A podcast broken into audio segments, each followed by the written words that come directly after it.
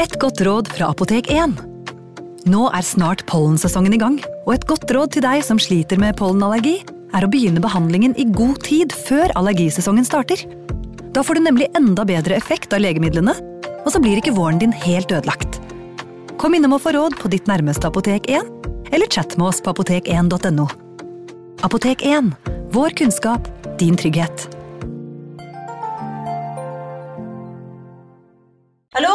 Jeg kommer fra Oslo politikammer. Ine Jansen er purk. Er du purk? The motherfucking bitch. Alt jeg vil, er å finne ut hva som skjedde med mannen min. Jon Carew. Er jeg sikta for noe? Iben Akeli. Det er du. Ole So, Lars Berrum og Big Daddy Karsten. Hvem sin side er du på, egentlig? Anette Hoff, Tone Danielsen, Kommer du fra Afrika? Jørnis Josef, Nesten kløfta. Trond Espen Seim, Det er synd å si det, men det var feil mann som døde. Purk. Premiere tirsdag på TV2 Play. Ungsamtalen fra DNB er økonomisk veiledning tilpasset deg som er ung. Bokk en ungsamtale på dnb.no. slash ung. Det er kjempebra hvis du skal inn på boligmarkedet, hvis det er drømmen din, liksom. Det er det du skulle sagt. Og så kunne du ropt litt mer, da, sånn som jeg gjorde. Bam! Advarsel. Denne podkasten inneholder skildringer av ekte drap og kriminalsaker som kan være støtende for enkelte. Det advares også mot sterke inntrykk i deler av episoden. Slenderman er en vandrehistorie. En urban legend, om du vil. Litt som Mannen med ljåen, eller historier om at det spøker i gamle hus. Han er like ekte for mange unge som julenissen, tannfeen og påskeharen er for barn. For nå, i disse dager, har barn tilgang til hva som helst på internett. De har tilgang til og kunnskap om fenomener og temaer du aldri har hørt om, kanskje aldri finner ut at har eksistert. Men barna dine, de vet. De kan, og de finner alt de vil ha svar på. Barn vet ikke hvor lett påvirkelige de kan være. De forstår ikke alltid at det som står på internett, ikke nødvendigvis er sant. Det er det ikke alle voksne som forstår heller, for den saks skyld. Dette er bakgrunnen for at denne episodens sak ble som den ble. At det som skjedde, faktisk skjedde, fordi to unge jenter trodde på en vandrehistorie, og det fikk dem til å begå en grusom handling.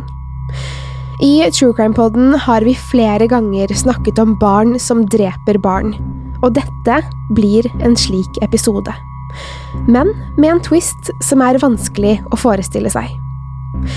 Denne episoden er ikke like grafisk som de andre episodene som handler om barn, så dere som er sensitive for slikt, trenger ikke å bekymre dere.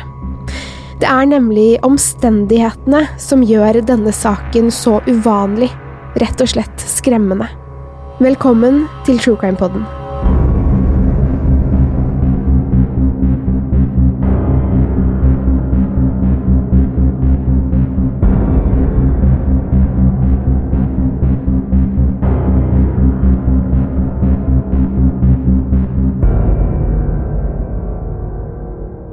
Den 10. juni 2009 la brukeren Victor Surge ut to bilder på nettforumet Something Awful. Nettstedet hadde en Photoshop-konkurranse gående, hvor oppgaven gikk ut på å skape overnaturlige og skumle bilder. Det hele var bare for moro. Det var åpenbart at bildene skulle photoshoppes, slik at de skulle se skumle, men også ekte ut. Noen gjorde det bedre enn andre. Flere av bildene er tydelig photoshoppet, mens andre ser helt ekte ut, som om det står et spøkelse bak en jente i speilet, eller at en mørk skikkelse titter gjennom vinduet til en gutt om natten.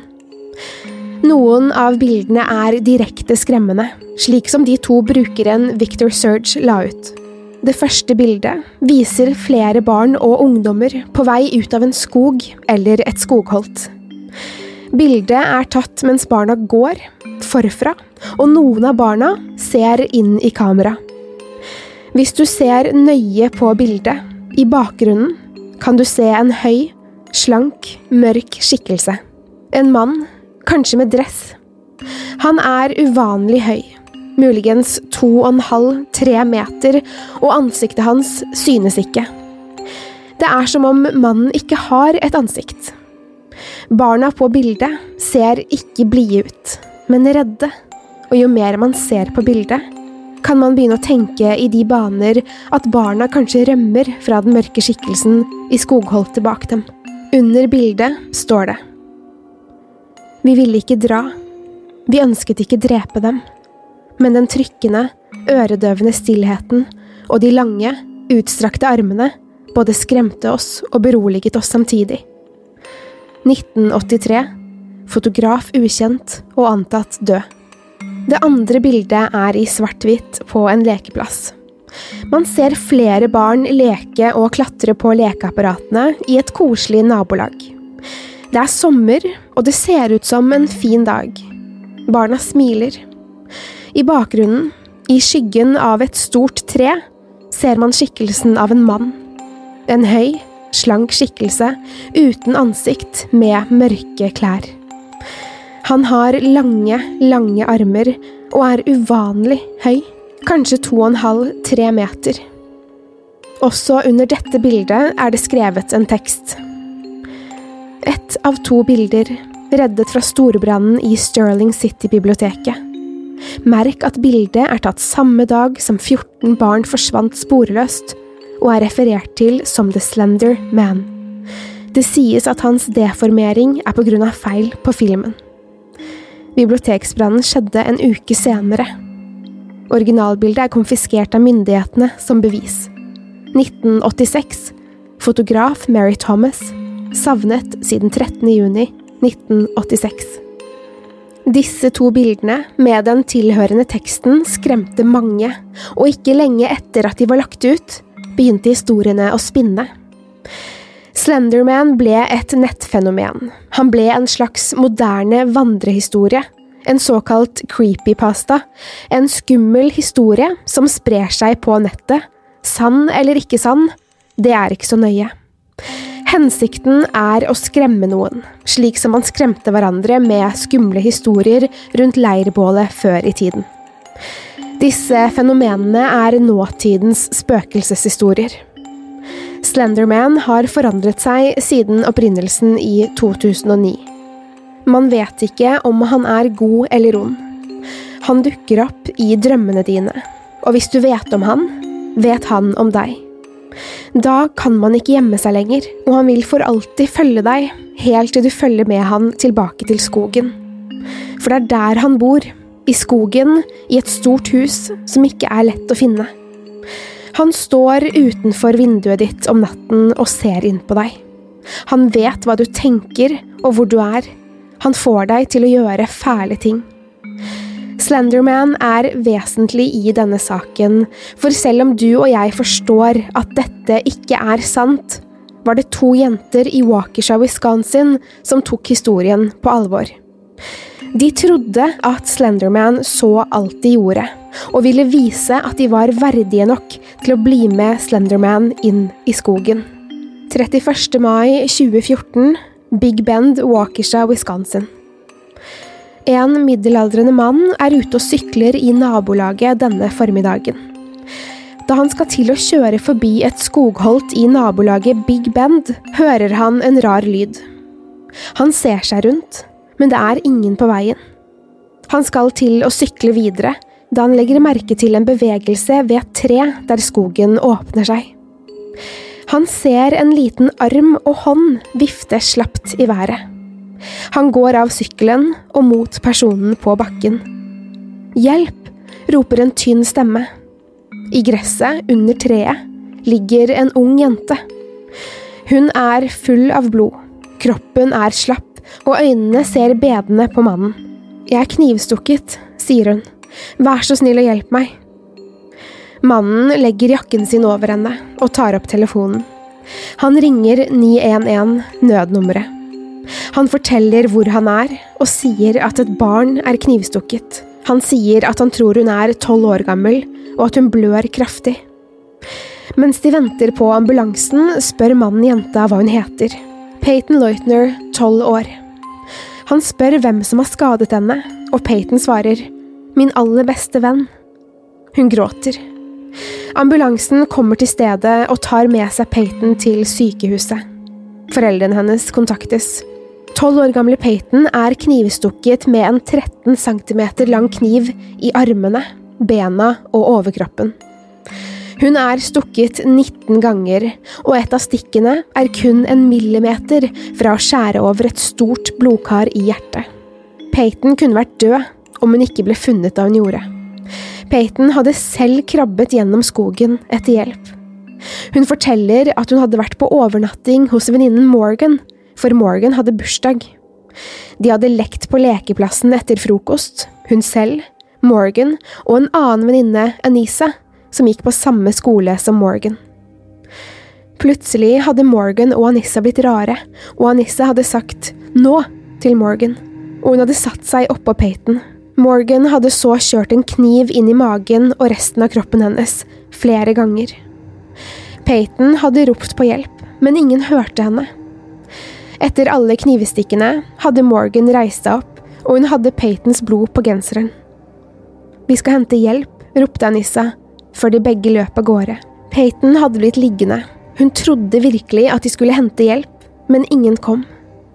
Peyton forsto at hun måtte redde seg selv, men hun kjente seg så svak av blodtapet at hun ikke klarte å reise seg. Hun krøp derfor til åpningen og håpet at noen ville komme forbi i tide. Heldigvis var syklisten der, og etter hvert kom det flere til. Peyton opereres flere ganger på sykehuset. Hun har mistet store mengder blod og er alvorlig skadet. Hun har skader på leveren, tarmene og nyrene i tillegg til nerveskader i armer etter at både muskler og sener ble kuttet av i angrepet. Hun overlever så vidt, og sykehuset kontakter politiet etter at hun er stabil, så hun kan avhøres. Peytons foreldre vet allerede hvem som er mistenkt i saken, for de visste at datteren hadde vært sammen med Morgan og Anissa. Politiet har allerede kontaktet jentenes foreldre, som ikke vet hvor døtrene er. 12 år gamle Morgan Gazer og 13 år gamle Anissa Wire etterlyses. Noen timer senere blir de begge funnet gående langs en trafikkert bilvei. En politimann spør hvor de var på vei, og Anissa svarer til Slendermans hus. De arresteres. Foreldrene til jentene er lettet over at de er funnet i god behold, men nå starter marerittet. De får vite at Peyton er knivstukket, og at Morgan og Anissa er mistenkte for gjerningen. Jentene blir tatt direkte til avhør. De får ikke snakke med eller ringe foreldrene sine, men blir satt på hvert sitt avhørsrom. Anissa Wire brister i gråt med en gang. Hun er redd og bruker litt tid på å samle seg og kanskje reflektere over alle inntrykkene. Morgan Geyser, derimot, sitter helt stille og venter.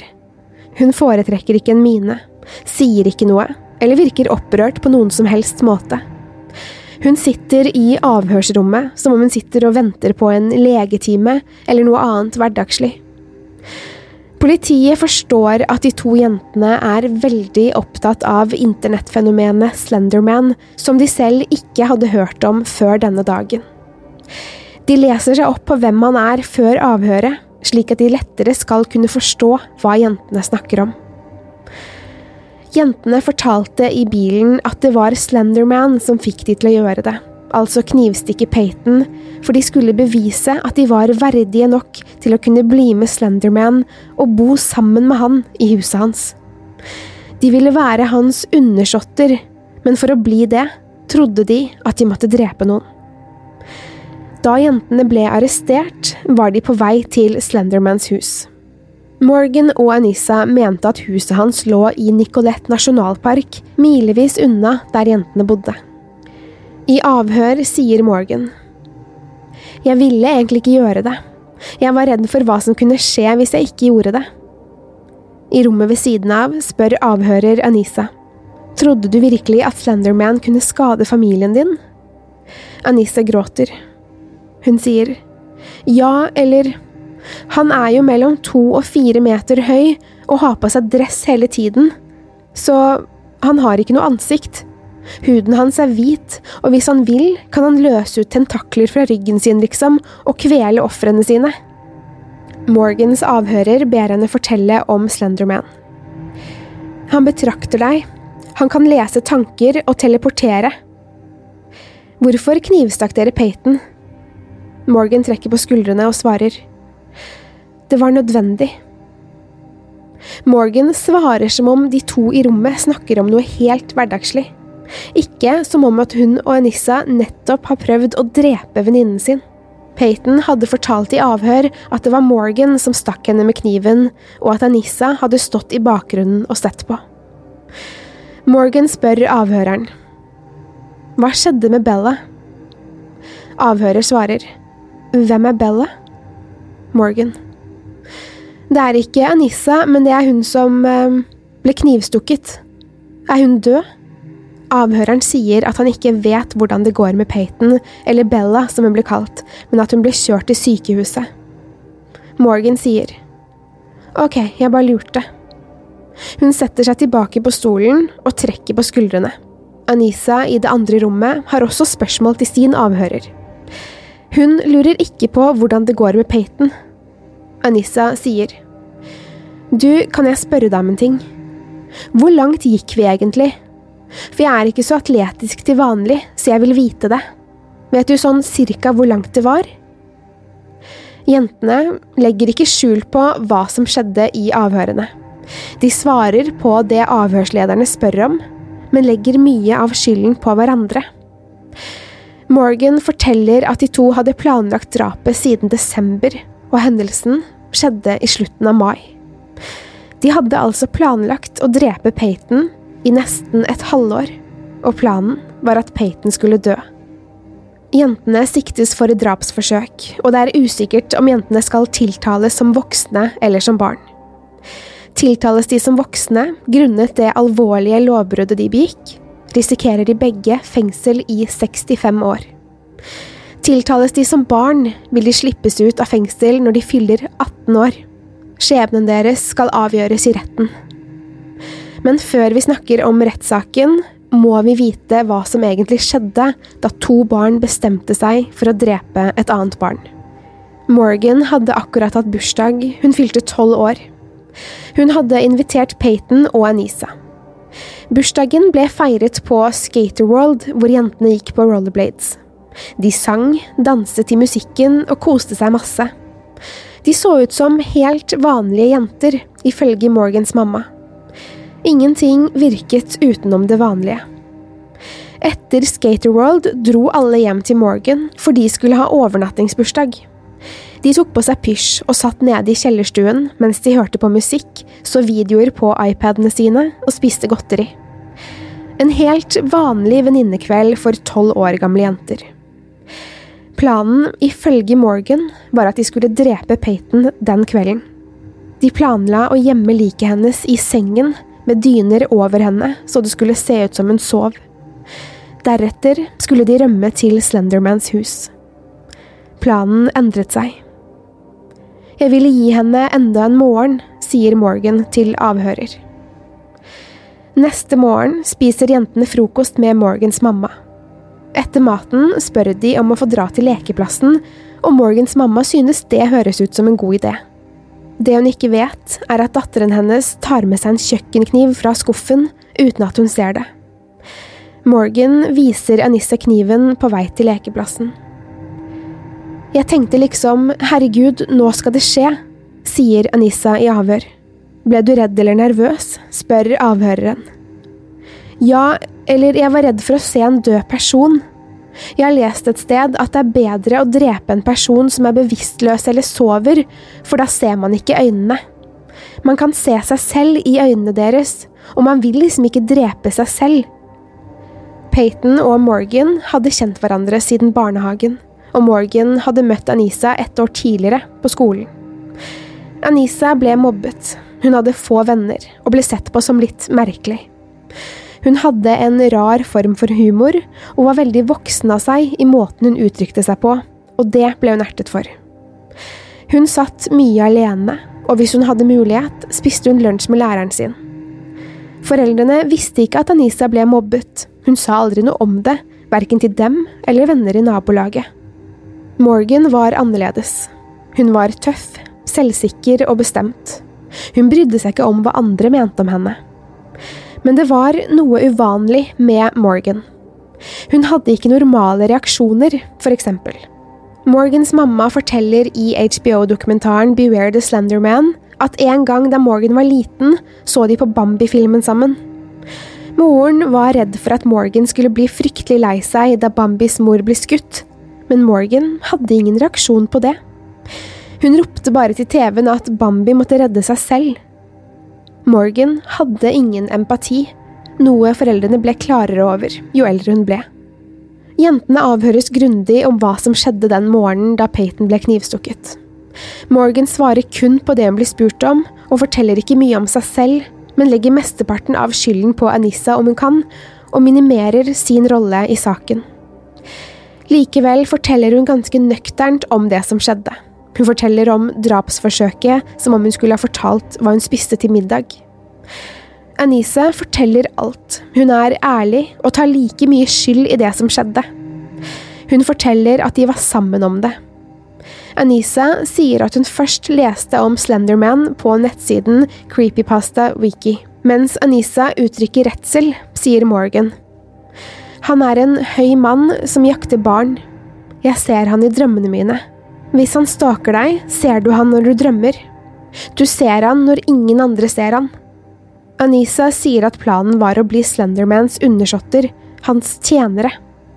Morgan kom derfor opp med ideen om å drepe Peyton. Hvorfor det? spør avhøreren Anisa. Vi måtte bevise at vi var verdige undersåtter. Hvis man blir undersått, kan man bo i Slendermans hus med andre skumle skapninger. Huset ligger i Nicolette nasjonalpark, forteller hun videre. Anisa innrømmer i tillegg at hun trodde fullt og helt at de måtte drepe for å komme til Slenderman. Tilbake på lekeplassen lekte de tre jentene sammen. De klatret i lekeapparatene, og Peyton synes Morgan og Anissa oppførte seg rart. De prøvde å finne på nye leker hvor de ville at Peyton skulle legge seg ned på bakken og sove. Peyton ville ikke det, og jentene ga opp etter en liten stund. De gikk sammen inn på toalettet, og igjen prøvde både Anissa og Morgan å få Peyton til å legge seg ned og sovne. Peyton blir irritert, for hun er ikke trøtt og forstår ikke hvorfor det er så viktig for dem at hun skal sove. Plutselig tar Anissa tak i hodet hennes og dunker det i betongveggen. Peyton får vondt, og Anissa sier unnskyld. Vi går heller inn i skogen, sier de. Peyton vil ikke inn i skogen. Hun vil leke som de pleier. Men jentene sier at hvis Peyton blir med nå, skal hun få bestemme neste lek. Peyton går med på det. Hun følger etter Morgan og Anisa inn i skogen. Morgan puster tungt. De stopper, og Morgan sier, Jeg gjør det ikke før du sier jeg skal. Hun ser på Anisa. Anisa ser først på Peyton, så på Morgan. Hun sier, Du gjør det. Go ballistic, go crazy. Morgan trekker frem kniven. Hun dytter Peyton ned mot bakken og setter seg over henne så hun ikke kommer løs. Sakte nærmer hun ansiktet sitt mot Peytons. Når hun er helt nærme, sier hun. Jeg er så lei for det. Før hun stikker Peyton med den 13 cm lange kniven. Peyton gråter, ber dem stoppe, roper at hun hater dem, men Morgan stopper ikke. Peyton blør. Hun hvisker. Jeg kan ikke se. Jeg kan ikke se. Jeg kan ikke se. Til slutt reiser Morgan seg. Genseren hennes er full av blod. Morgan og Anissa flytter Peyton lenger inn i skogen før de sier at de skal løpe etter hjelp. Peyton ser bestevenninnene løpe fra henne, og i starten tror hun at de faktisk skal hjelpe henne. Men det tar så lang tid før de kommer, og Peyton blir kald og redd. Til slutt forstår hun at hjelpen ikke kommer. Hun vil ikke dø, og bestemmer seg for å skaffe hjelp selv. Peyton forteller politiet at hun trodde hun skulle dø den dagen, og at hun følte seg så alene. Hun hadde ingen venner lenger, for vennene hennes prøvde å drepe henne. Hun gråt mens hun kravlet seg til veien der hun ble funnet. Om drapsforsøket sier Morgan. Det bare skjedde. Det føltes ikke som noen ting, bare som luft. Morgan gråter ikke, hun er helt iskald når hun forteller det. Før rettssaken starter, gjennomgår Anisa og Morgan psykiatriske undersøkelser for å se om det kan være psykisk sykdom som forklarer hendelsen. Det viser seg at Anisa lider av en schizotyp forstyrrelse som gir henne vrangforestillinger. Hun har en begrenset evne til å skille mellom virkelighet og fantasi, men ingen andre karakteristikker som tyder på at hun har psykopatiske eller sosiopatiske trekk. Morgan, derimot, får diagnosen schizofreni. Foreldrene hennes er ikke overrasket, for faren hennes har samme diagnose. Hans er behandlet, og han har få symptomer. Schizofreni er en alvorlig psykiatrisk diagnose, og går sykdommen ubehandlet, kan man i noen tilfeller miste kontakten med virkeligheten. Man lider av hallusinasjoner, hører stemmer og får vrangforestillinger. Heldigvis kan schizofreni behandles, og da kan man leve nesten som normalt. Morgan, derimot, hadde sett skumle ting siden hun var tre år.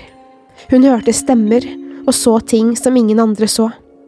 Psykiatere og andre behandlere som har snakket med og utredet Morgan, er bekymrede for henne. Hun er ikke frisk.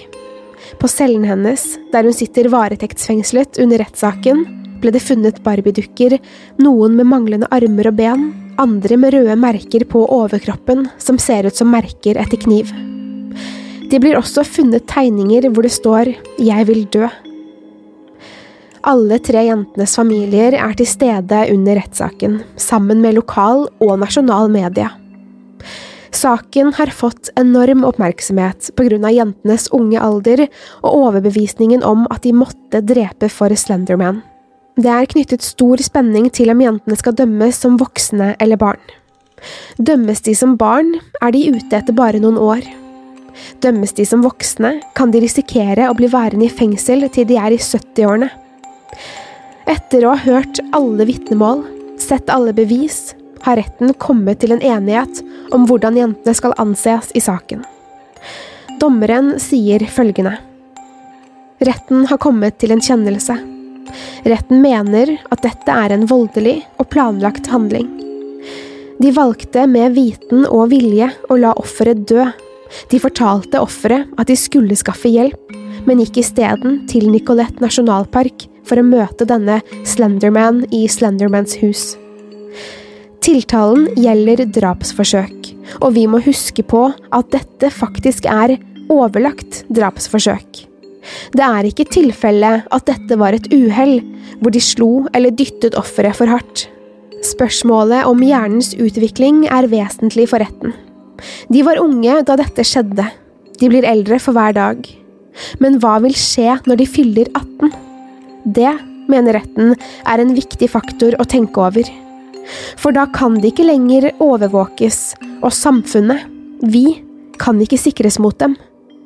De har begått et meget alvorlig lovbrudd, som mildt sagt er brutalt. Vi må forsikre oss om at det ikke skjer igjen. Et slikt alvorlig lovbrudd skal håndteres på et slikt vis at det beskytter alle. På bakgrunn av dette bestemmer jeg at Morgan Geyser og Anisa Wire skal tiltales som voksne. Rettssalen er i sjokk. Noen er lettet, andre forferdet. Jentene risikerer opptil 65 år i fengsel hvis de dømmes. På dette tidspunktet er de 13 år gamle. I 2017 stilles både Anisa og Morgan for retten. Det er to helt ulike jenter som kommer inn i rettssalen denne gangen. De ligner ikke på seg selv lenger. Morgan har tilbrakt store deler av tiden på psykiatrisk sykehus, hun behandles for diagnosen sin og viser ikke noen voldsomme tegn til bedring. Hun har vært i fengsel i over tre år, og hun viser for første gang anger for det hun gjorde. Anisa ser bedre ut enn Morgan. Hun er klarere i blikket og smiler litt når hun kommer inn i rettssalen. Hun har mistet retten til å bruke internett, og får ikke ha noe kontakt med Morgan.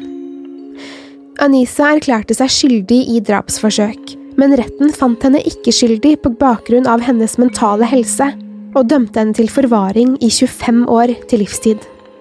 Hun må, uansett tilstand, behandles på psykiatrisk sykehus til hun er 37 år. Etter det skal retten vurdere om hun skal sone resten av dommen i fengsel eller fortsette i forvaring. Morgan erklærte seg også skyldig, men retten fant henne, som Anisa, ikke skyldig på bakgrunn av hennes mentale tilstand. Hun fikk 40 års forvaring, hvor hun skal ha tvungen behandling frem til hun er 53 år gammel. Etter fylte 53 skal hun evalueres av psykiatere for å se om hun kan sone resten av dommen i fengsel, fortsette behandling eller sone hjemme. Denne saken er grusom, for den har ødelagt tre familier. Fysisk går det bra med Peyton, men hun sliter med posttraumatisk stresslidelse, nerveskader, fantomsmerter, og hun klarer ikke å stole på noen. Hun er redd hele tiden, og foreldrene tror at hun aldri vil komme seg helt etter drapsforsøket. Eric Knutsen, mannen som kalte seg Victor Surge og som deltok i Photoshop-konkurransen der Slenderman ble til, uttalte dette etter saken. Jeg er veldig lei meg og trist for tragedien i Wisconsin. All min medfølelse går til familiene som er berørt av denne forferdelige hendelsen. Som mange andre podkaster skal også True Crime-podden ha sommerferie. Det kommer nye episoder hele juni, og deretter tar vi en liten pause før vi er tilbake igjen til høsten. Jeg velger å si dette nå, så dere er forberedt. Vi høres igjen neste uke. Til neste gang, pass på dere selv, og takk for at du har hørt på True Crime Podden.